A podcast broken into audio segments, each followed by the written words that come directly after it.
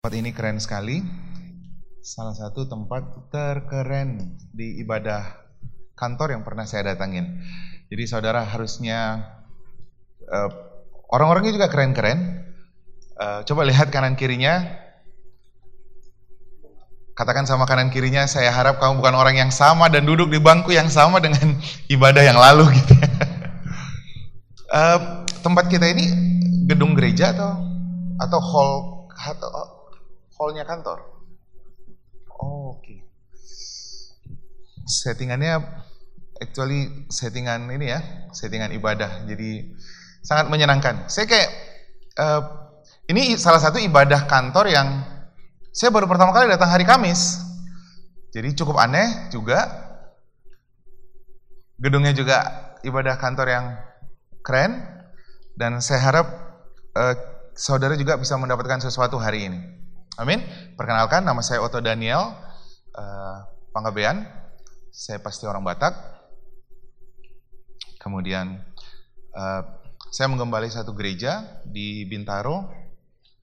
Daily saya bekerja sebagai interior designer. Uh, saya cukup akrab dengan daerah ini karena beberapa tempat uh, saya dan istri juga uh, yang mendesain. Jadi saya cukup akrab dengan daerah Fakhrudin, Fakhrudin. Kira-kira seperti itu perkenalan kita. Kita lanjut karena waktu saya cuma 30 menit. Kok serius sekali sih? Uh, masih muda-muda ya? Kayaknya kita seumuran gak sih? Hah? Kita seumuran gak sih? Nggak ada bos di sini nggak ada kan? Maksudnya yang yang itu nggak ada kan? Kayaknya nggak ada ya. Uh, kemarin saya bicara di satu BUMN, ada bosnya, jadi yang lain agak kurang bisa lepas tertawa. Harus menjaga image-nya gitu. Bahkan ada yang nyanyi, ada yang suara satu, suara dua, suara tiga gitu. Pokoknya keren banget persekutuannya gitu ya. Saya tanya kenapa? Ada bosnya pak, jadi harus keren katanya. Mari kita lihat firman Tuhan. Judulnya Nuh dan ketaatan. Oh enggak. Ada? Oke. Okay. Nuh dan ketaatannya. Kalau kita dengarkan Nuh, Nuh salah satu bagian dari pahlawan iman. Nuh tidak terkenal karena ketaatannya. Nuh terkenal karena imannya. Oke? Tapi saya ngambil judulnya Nuh dan ketaatannya. Mari sama-sama kita lihat firman Tuhan ini Finally, semuanya kita mengenali Nuh sebagai orang yang taat. Benar ya saudara? Manusia nggak bisa melihat iman saudara. Yakobus katakan iman itu buat Tuhan, tetapi ketaatan buat manusia. Sepakat nggak dengan saya? Iman, saudara nggak bisa ngomong iman sama manusia. Ada bahasa-bahasa yang saudara nggak bisa pakai untuk manusia. Kalau orang gereja kan suka ditanya, apa kabarnya? Luar biasa, yes, yes, yes. Itu kan cuman bahasa di gereja, benar nggak? Coba kantor lu nanya, bos lu nanya, apa kabarnya? Luar biasa, yes, yes, yes. Di SP, benar nggak? Ada bahasa-bahasa yang saudara nggak bisa ucapkan di, di, di luar dari ibadah saudara. Ada kehidupan yang nggak bisa saudara lakukan di luar. Kalau saudara hubungannya iman, itu ke Tuhan. Roma 5 ayat 2 berkata, iman itu adalah akses untuk saudara mengambil mukjizat. Kesembuhan, berkat, pemulihan, atau apa pun. Kata firman Tuhan, iman adalah satu-satunya akses untuk mengambil mukjizat. Which is, semua yang sudah di-provide sama Tuhan, kesembuhan, pemulihan, uh, apalagi, whatever, itu semuanya hanya bisa diakses nama tangannya adalah iman. Tetapi sama manusia, saudara nggak bisa mempraktekkan itu. Manusia melihat bukan iman saudara, tetapi jawab aja, pasti masuk surga. Salah masuk surga kok. Tapi manusia melihat apa? Yakobus katakan perbuatan saudara. Benar? Eh, di Samuel diceritakan bahwa Allah melihat waktu Samuel datang mencari pengganti Saul. Masih ingat nggak ayat itu? Allah, lalu Samuel, saya, saya, saya mundurkan sedikit ceritanya. Samuel datang, lalu dia melihat kakak-kakaknya eh, Daud. Wah ini gede ini badannya, wah ini gede ini, Abinadab gede ini badannya, ini cocok menjadi raja. Masih ingat ceritanya? Lalu mereka, eh, Samuel bilang begini, ini bisa nih menjadi raja. Karena Saul, raja sebelumnya, juga punya badan yang sama. Sepakat dengan saya? Mereka di atas rata-rata. Alkitab ceritakan tingginya di atas 2 meteran. Jadi sebenarnya yang cocok melawan Goliat itu siapa? Paling cocok melawan Goliat siapa? Saul. Karena badannya nggak jauh-jauh amat, walaupun memang cukup jauh, tapi nggak jauh-jauh amat. Kemudian Tuhan ngomong sama Daud. Tuhan bilang begini, eh sama Samuel. Samuel, Aku melihat hati. Manusia melihat, come on. Kelihatannya sih melihatnya sungguh-sungguh, tapi diam gitu. Tetap manusia, Tuhan melihat hati, manusia melihat, nah itu dia. Tuhan melihat iman saudara, percaya saudara, tetapi manusia nggak peduli itu. Manusia peduli ketaatan saudara. Manusia peduli perbuatan saudara. Itu sebabnya tokoh Nuh menjadi tokoh yang cukup sentral di dalam Alkitab. Bapak gereja terakhir yang ditulis di dalam Alkitab. Ceritanya begini, mari kita lihat. Silakan. Matius 24 ayat 37 sama-sama kita baca. Oops.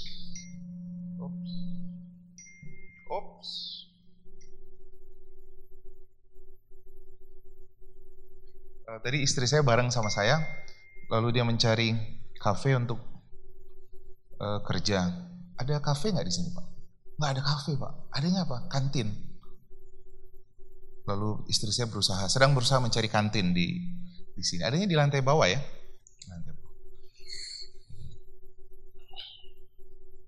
Kejadian 6 ayat 11 dan 12. Mari sama-sama kita lihat. Ups, ini uh, ada salah kayaknya. Boleh dicari kejadian 6 di situ juga. Kayaknya waktu dikirim ada lost in translation. Oke, okay, kejadian 6 ayat 11 itu yang pertama. Lagi di skip aja lagi, di skip lagi. Kejadian 6 ayat 11.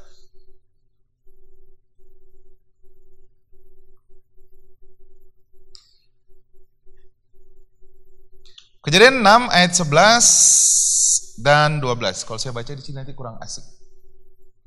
Uh, sorry, supaya nanti nggak ini easy worship ya, supaya nggak putar. Di sebenarnya di ayatnya udah ada. Cuman tadi pas ngirimnya mungkin uh, ketukar-ketukar. 6 ayat 11 dan 12. Saya kayak ada di negeri mana gitu ya. Uh, itu kayak di puncak itu kayak di Cina. Tapi semuanya orang Indonesia gitu. Sama-sama kita lihat bahwa Alkitab sekarang katanya sudah nggak ada lagi Holy Bible, yang ada Holy Phone. Semuanya Alkitab sudah ada di Holy Phone ya, saudara ya. Mari kita lihat kejadian 6 ayat 11 dan 12. Adapun 1 2 3 saudara. Adapun bumi telah rusak di hadapan Allah dan penuh dengan kerasan Allah menilik bumi itu dan sungguhlah rusak benar. Oke, saudara, saya nggak bisa mendescribe keadaan zamannya Nuh. Tetapi Alkitab bisa menggambarkan keadaan Nuh yang sesungguhnya. Pada saat itu manusia mungkin ada di dunia ini sekitar 6.000 sampai 9.000. Di saudara percaya saja ya, karena di sekolah teologi, saya sekolah teologi, dibilangnya seperti itu. Jadi diperkirakan bahwa manusia itu 6.000 sampai 8.000, maaf. 6.000 sampai 8.000. Pada waktu ada Nuh, jumlah manusia nggak lebih dari itu. Paling banyak 6.000 katanya. Nah, dan saya nggak bisa ceritakan juga seperti apa sih keadaan Nuh sesungguhnya. Alkitab menggambarkan bahwa keadaan Nuh pada masa itu persis seperti keadaan kita saat ini. Karena Alkitab mengatakan, ada ditulis dalam Matius 24, Matius 24 ceritakan begini. Sebab sebagaimana halnya pada zaman Nuh, kita baca sama-sama. Satu, dua, tiga. Demikian pula halnya kelak pada kedatangan anak manusia. Sebab sebagaimana mereka pada zaman sebelum air bah itu makan dan minum, kawin dan mengawinkan, sampai kepada hari Nuh masuk ke dalam bahtera. Kata firman Tuhan, sama seperti keadaan akhir zaman. Saudara, saya ceritakan kepada saudara bahwa akhir zaman itu dimulai sejak zamannya Yohanes Pembaptis. Yohanes Pembaptis sudah berkata begini, bertobatlah, masih ingat ayatnya? Sebab kerajaan Allah so dekat, sudah dekat. Ratakanlah jalan-jalan yang bergelombang, masih ingat? Kok dari zamannya Yohanes Pembaptis sampai sekarang Tuhan gak datang-datang? Apakah Yohanes Pembaptis salah? Saudara, kalau menurut peta zaman, Akhir zaman itu sudah dimulai sejak zamannya Yohanes Pembaptis. Dan sekarang kita hidup di akhirnya akhir zaman. Oke? Itu menurut peta zaman. Saudara dan saya hidup di akhirnya akhir zaman. Ada banyak hamba-hamba Tuhan berkata bahwa nggak akan ada lagi masa yang lain. Mungkin generasi kita adalah generasi terakhir. Ada yang bilang seperti itu. Tetapi bagi saya, Alkitab ini mengatakan zamannya Nuh dan zaman seperti sekarang sama persis. Bahkan Alkitab mengatakan, kita buka lagi ayat yang berikutnya, diceritakan di dalam 2 Petrus 3 ayat 4 dan 6, saya kasih saya describe ya, gambaran Nuh pada waktu itu. Tadi dikatakan dalam kitab Matius, mereka kawin mengawinkan, nggak peduli dengan keadaan, pokoknya mereka hidup sibuk dengan dirinya sendiri. Lalu di dalam 2 Petrus 3, 4, dan 6 dikatakan begini. 1, 2, 3. Yang terutama yang harus kamu ketahui ialah pada hari-hari zaman,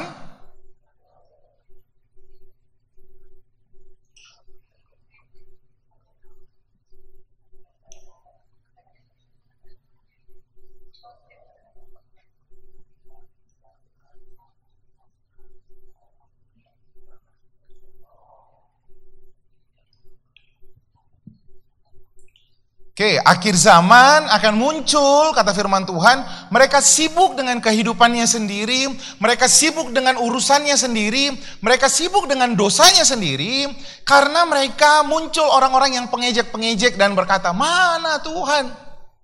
Oke, dari sejak bapak-bapak gereja, Yohanes sudah teriak-teriak, Tuhan sudah mau datang. Tuh buktinya nggak datang-datang. Lalu mereka bilang, tuh bebas dong kita. Dari dulu sampai sekarang dari zaman Yesus 2000 tahun nggak terjadi tuh apa-apa. Saudara, exactly apa yang dialami oleh Nuh persis seperti apa yang kita alami hari ini. Itu sebabnya ketika Nuh membangun bahtera 80 sampai 120 tahun diperkirakan dia membangun bahtera. Ada yang bilang sampai 100 tahun. Ketika dia berbicara sama semua orang supaya orang mau menyembah Tuhan, nggak ada satupun yang percaya. Karena zaman itu dikatakan muncul pengejek-pengejek. Untuk apa sih kamu bangun bahtera di atas bukit? Kalau orang tuh bangun bahtera di mana-mana di tepi pantai. Saya ceritakan sedikit. Boleh dilanjutkan ayatnya?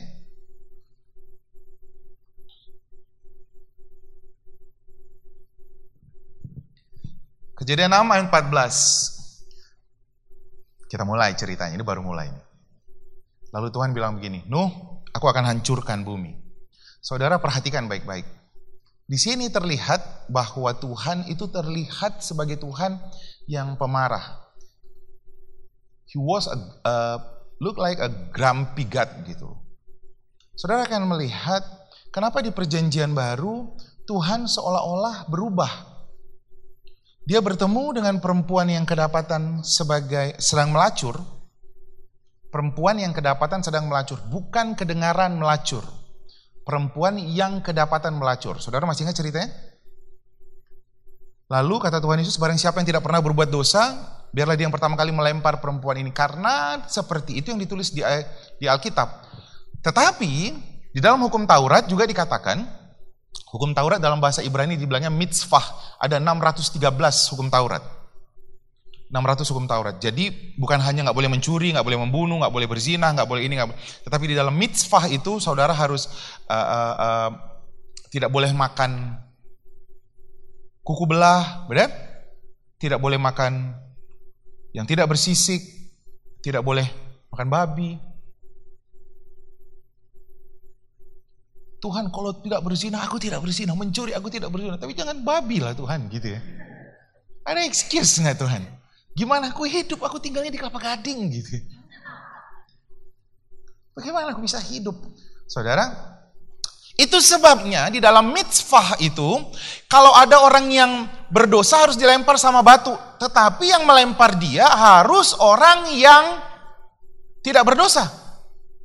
Nah, lalu di dalam mitzvah yang berikutnya dikatakan, barang siapa mengaku dia tidak berdosa, terkutuklah ia. Karena tidak ada orang yang tidak berdosa. Jadi menurut saudara, siapa yang boleh melempar perempuan ini pakai batu? Siapa? Satu-satunya di situ yang tidak berdosa siapa? Yesus. Yesus satu-satunya di tempat itu yang tidak berdosa. Lihat saudara, saya mau gambarkan kenapa Tuhan terlihat berbeda dulu dan sekarang. Lalu Tuhan Yesus bilang begini sama perempuan itu. Satu-satu pada pergi. Karena ini jebakan Batman. Karena kalau ada yang melempar berarti dia mengaku dia tidak berdosa. Menurut misbah hukum Taurat, yang mengaku tidak berdosa, dia terkutuk. Satu-satu pergi. Tuhan Yesus bilang begini, Perempuan ini masih takut karena satu-satunya yang tidak berdosa cuma Yesus. Yesus pun bilang begini, Aku pun tidak menghukum kamu. Lihat saudara, ini bukan kedengaran mencuri. Kedapatan berzina, kedapatan semen eleven aja. Kedengaran semen eleven, kedengaran saja saudara. Pernah tidur sama pacarnya, mungkin sudah digosipin. Nggak di sini, di ibadah yang lain. Mungkin sudah diomongin. Tapi Yesus bilang begini sama perempuan ini, aku pun tidak menghukum kamu. Pergilah, jangan buat dosa lagi. Karena kalau nggak ada gua, nanti lu kedapatan lagi, lu dilempar sama batu.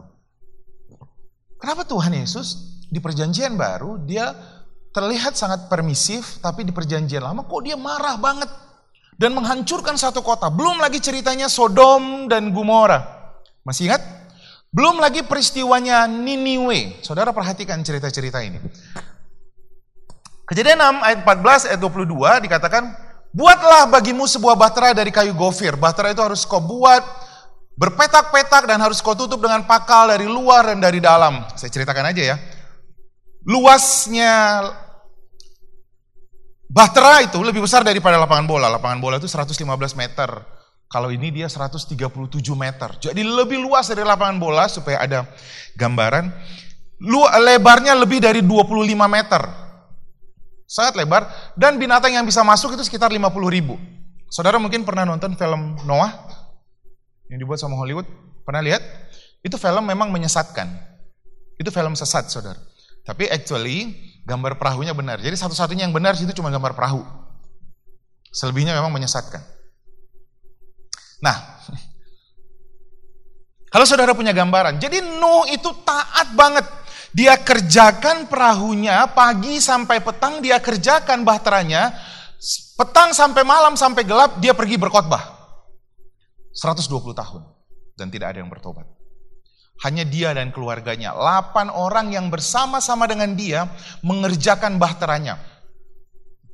Firman Tuhan katakan, Kejadian 6 ayat 14. Lalu Nuh melakukan semuanya itu tepat. Baca dengan suara keras. Demikianlah dilakukannya. Exactly as it is.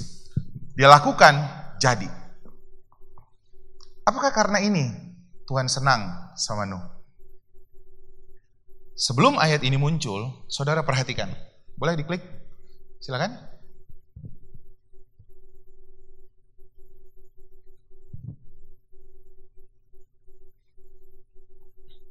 Oh, waktu tadi saya tinggal sedikit, klik aja lagi, satu lagi. Oh, melompat lagi. Kejadian 6 ayat 8. Kejadian 6 ayat 8 dan 9. Dapat? Lihat saudara, kenapa sih Tuhan membuat Nuh seolah-olah Nuh itu lebih hebat daripada yang lain? Kenapa Nuh mendapatkan kasih karunia Tuhan lebih daripada yang lain. Perhatikan baik-baik. Kejadian 6 ayat 8 dan 9. Tetapi Nuh mendapatkan kasih karunia Tuhan. Kenapa dia berbeda dengan yang lain, saudara? Oh karena Nuh taat melakukan hukum Taurat. Perhatikan hukum Taurat baru muncul 1300 tahun kemudian. Hukum Taurat belum ada. Jadi Nuh tidak dinilai karena ketaatannya melakukan hukum Taurat. Nanti kita lihat. Apa arti kasih karunia? Apa arti kata Nuh? Ayat 9 dikatakan begini. Inilah riwayat Nuh. Nuh adalah seorang yang benar tidak bercela di antara orang-orang sezamannya. Dan Nuh itu hidup bergaul dengan Tuhan. Perhatikan saudara. Kenapa Nuh dibilang tidak bercela? Ngomong-ngomong yang nulis kitab kejadian siapa? Kejadian keluaran imamat ulangan-ulangan itu semua ditulis sama Musa waktu dia di atas bukit apa? Bukit Sinai. Dia tulis, dididiktekan sama Tuhan, dia tulis. Jadi kitab kejadian keluaran imamat bilangan ulangan itu adalah kitab paling otentik karena diucapkan sama Tuhan. Saudara masih ingat nggak? Kalau mana duluan, Nuh atau Musa? Saya ajak berpikir, saya agak cepat. Nuh atau Musa? Siapa duluan? Nuh. Kalau Musa yang mencatat, saudara masih ingat nggak ceritanya Nuh adalah manusia pertama yang mabuk oleh anggur? Come. Masih ingat? Nggak ingat ceritanya? Yang pertama kali mabuk bukan orang Batak, bukan orang Manado, bukan orang Ambon. Yang pertama kali mabuk di Alkitab adalah Bapak Gereja. Maaf, hamba Tuhan yang ternama namanya Nuh. Waktu dia mabuk, dia telanjang. Dan bukan hanya dilihat oleh, dia dilihat oleh anaknya, dia dilihat oleh Ham, dia dilihat oleh Kanaan, anaknya Ham itu Kanaan, lalu dia mengelepaskan kutuk sama anaknya karena dia dilihat telanjang dan diolok-olok. Saudara, waktu Musa menulis cerita tentang Nuh, Musa sudah tahu belum dia mabuk?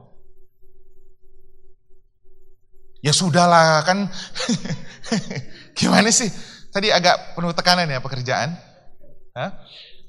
Musa tahu dia mabuk, Musa tahu waktu dia mabuk dia telanjang, Musa tahu saudara bahwa Nuh melakukan itu.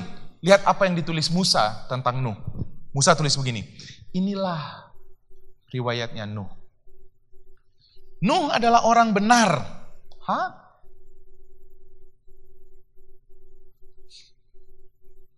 Musa skip kali waktu dia mabuk.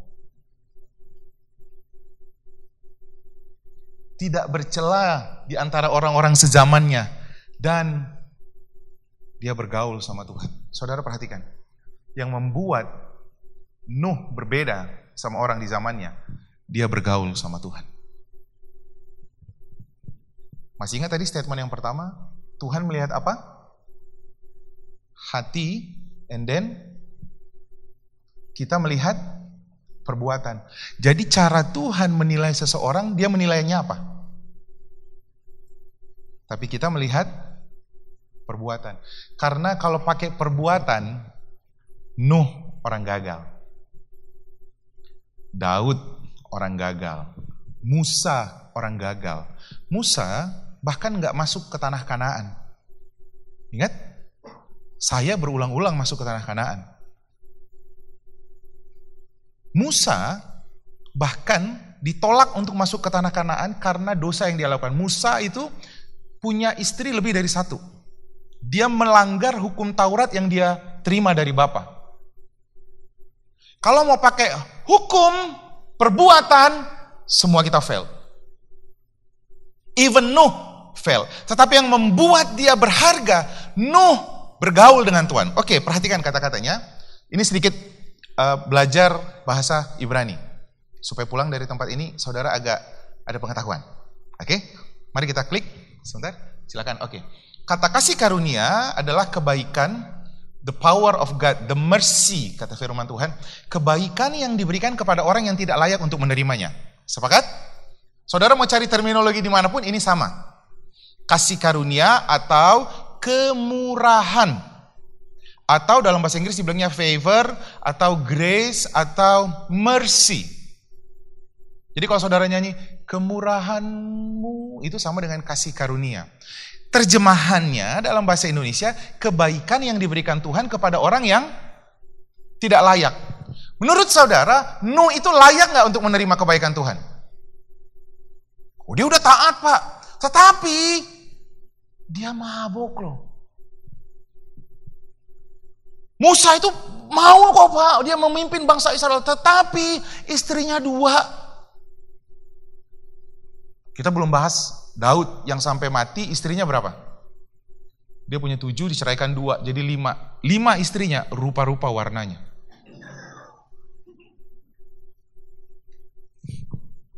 Menurut kamu, Daud tuh masuk surga atau masuk neraka? Lima loh istrinya. Lima.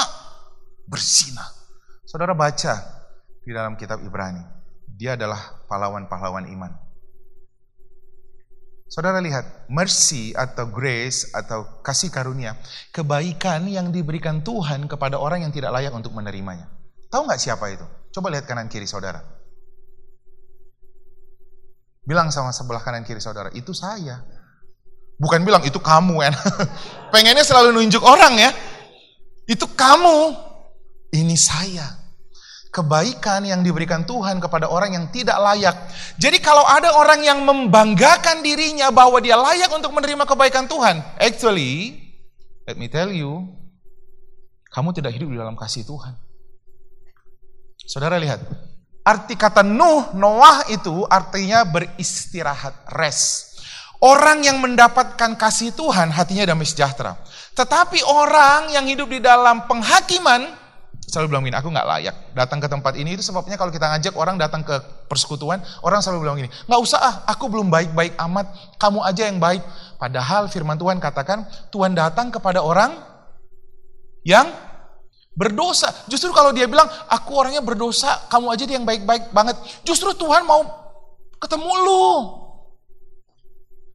Benar nggak? Lalu firman Tuhan katakan, di mana banyak dosa di situ, kasih karunia super abound katanya. Kasih karunia Tuhan akan berlimpah-limpah. Justru di mana ada dosa, Tuhan datang. Karena sifatnya Tuhan adalah memulihkan, bukan menghakimi. Roma 8 ayat 1, di dalam Kristus tidak ada lagi penghakiman. Yang ada hanya pemulihan. Saudaraku, kata bergaul dalam bahasa Ibrani artinya halak. Siapa di sini? Halak kita? Halak kita? Boleh angkat tangan orang Batak? Wah, saya tidak merasa sendiri. Saya di gereja saya karena sedikit orang Batak, saya merasa terzolimi. Tapi di sini saya merasa uh, merdeka. Halak itu dalam bahasa Ibrani artinya berjalan, pergi bersama, lalu mengikuti. Jadi Nuh ini, lihat saudara, walaupun dia jatuh bangun, walaupun dia uh, uh, uh, tidak benar menurut ukuran manusia, tetapi dia terus berjalan sama Tuhan. Saudara ingat bagaimana Abraham dipanggil Tuhan. Abraham itu bukan orang yang baik, dia penyembah matahari, dia pagan, dia jual jual, dia menjual apa namanya uh, kebutuhan untuk penyembah berhala, saudara. Yang dipanggil pertama bukan Abraham, tetapi yang dipanggil pertama adalah bapaknya. Bapaknya nggak kuat ikut Tuhan, dia berhenti. Kemudian Abraham yang mulai ikut Tuhan. Abraham pun orang yang gagal, saudara. Tapi lihat, Tuhan bukan melihat perbuatan, Tuhan melihat hati. Nuh terus berjalan bersama dengan Tuhan, saudara. Perhatikan baik-baik. Boleh diklik, waktu saya sudah selesai. Kita teruskan saudara kena SP1 atau bagaimana? Habis ini makan ya? Iya. Bukankah ada tertulis? Manusia tidak hidup dari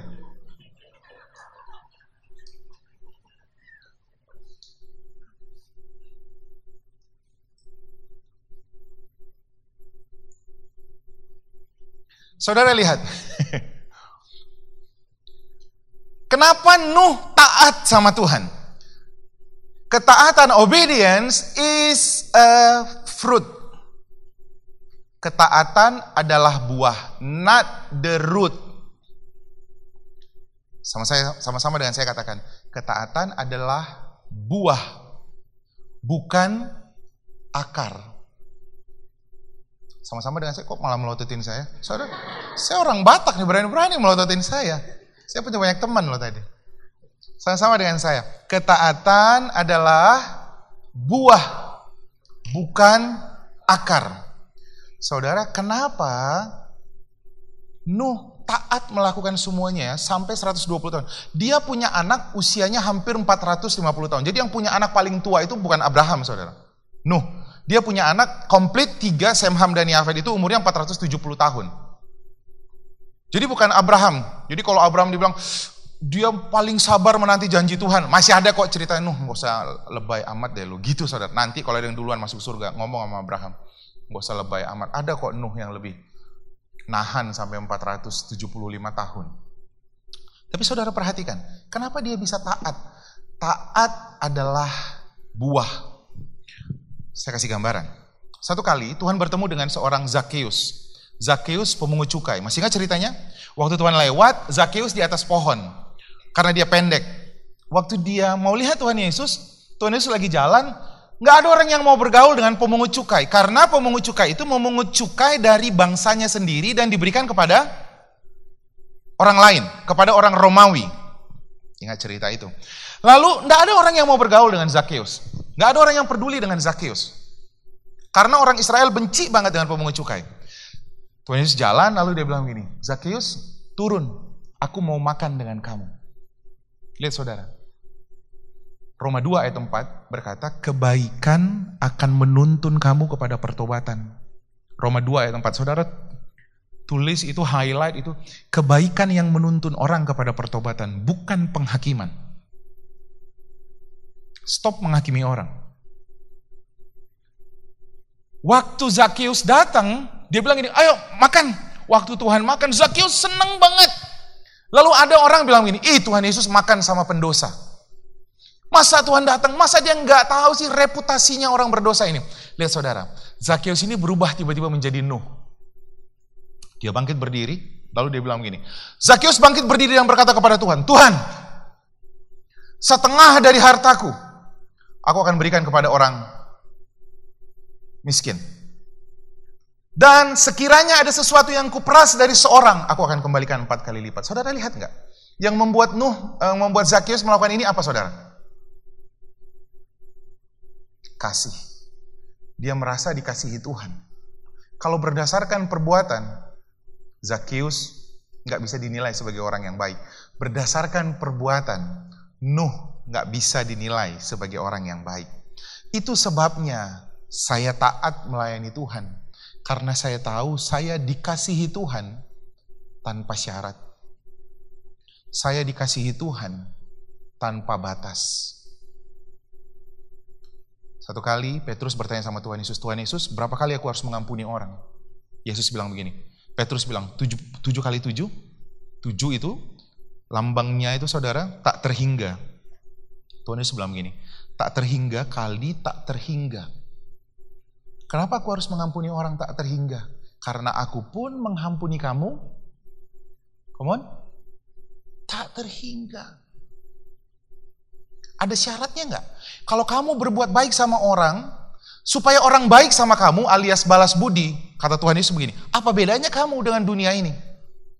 Kalau kamu berbuat baik supaya orang baik sama kamu alias pamrih, apa bedanya kamu dengan orang dunia ini? Kamu harus berbuat baik sama orang bahkan yang tidak baik sama kamu. Sama seperti siapa? Sama aku. Kata Tuhan Yesus, aku pun berbuat baik sama kamu bukan karena kamu baik. Roma 5 ayat 8. Tuhan Yesus baik sama kita, bahkan ketika kita masih hidup di dalam dosa. Saudara lihat nggak? Kalau saudara hidup di dalam kasih Tuhan. Gambar yang terakhir, gambar pohon, saya tutup.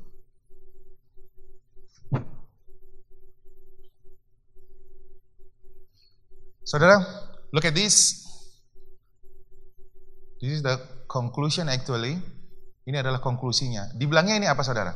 The fruit of love. Buah-buah roh. Benar kan? Ini bukan buah-buah ketaatan, buah-buah roh. Saudara perhatikan, the root is being loved, dikasihi Tuhan. Kasih Tuhan kepada saudara tanpa syarat. Kasih Tuhan kepada saudara, saudara tanpa batas. Saya merasa dikasihi Tuhan. Lihat saudara, buahnya apa? Ketaatan. Buahnya adalah apa saudara? Kelemah lembutan. Buahnya sabar. Tapi kan manusia ada batasnya Pak. Sabar itu ada batasnya. Kalau ada batas namanya nggak sabar. Berarti nggak saudara? Semut pun kalau diinjak Pak menggigit. Masa kau samakan kamu dengan semut? Kalau ada batas namanya nggak sabar saudara. Lihat, kalau saudara merasa dikasih pulang dari tempat ini, dengarkan bahwa Allah mengasihi engkau tanpa syarat.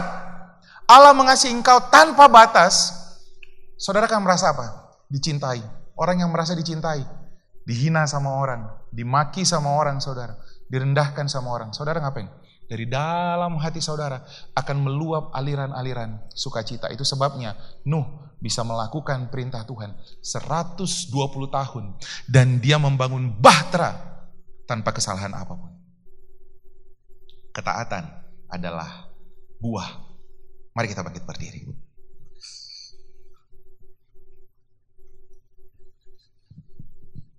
Mari kita datang kepada Tuhan. Tutup mata saudara. Dengarkan saya baik-baik. Kau tidak pernah ditolak, kau tidak pernah dibuang, kau tidak pernah ditinggalkan. Mata Tuhan tidak sedang menyelidiki hatimu. Tuhan justru datang berkata, mari datang kepadaku yang letih lesu dan berbeban berat. And then I will make you rest. Rest, kata yang sama dengan Nuh.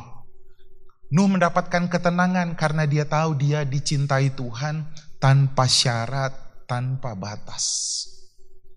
Saudaraku, ketika kau datang sama Tuhan, kau datang kepada Allah yang memulihkan engkau. Kau datang kepada Allah yang menyembuhkan engkau. Kau datang kepada Allah yang menjadi nisi, Jehovah nisi, kemenangan. Kau datang kepada Allah, Jehovah Shikenu yang menguduskan engkau. Hidup seperti Nuh, saudara. Bergaul dengan Tuhan. Kejar Tuhan. Lebih daripada yang lain kau akan melihat yang lain akan ditambahkan. Saya mau berdoa buat setiap saudara yang sakit. Setiap saudara yang sakit, pegang bagian, saya uh, merasakan ada banyak di tempat ini yang sakit pinggangnya, pegang bagian saudara, tubuh saudara yang sakit, pinggang saudara. Di dalam nama Tuhan Yesus, aku menghardik setiap sakit penyakit atas tubuhmu. Pergi tinggalkan tubuh ini, pergi tinggalkan sakit atas pinggang ini, saat ini juga di dalam nama Tuhan Yesus. Jadilah sembuh, jadilah normal di dalam nama Tuhan Yesus dan aku perintahkan engkau tubuh untuk merespon saat ini. Jadilah sehat. Begitu juga untuk anggota tubuh yang lain, untuk dada, untuk jantung. Dalam nama Tuhan Yesus, aku perintahkan engkau jadilah sehat, jadilah normal. Terima kasih Bapa. Kami mengucap syukur, kami menerima kesembuhan yang dianugerahkan Tuhan melalui kematiannya di kayu salib. Saudara kita akan berdoa bersama-sama. Terima kasih Bapak, kami mengucap syukur. Haleluya. Amin.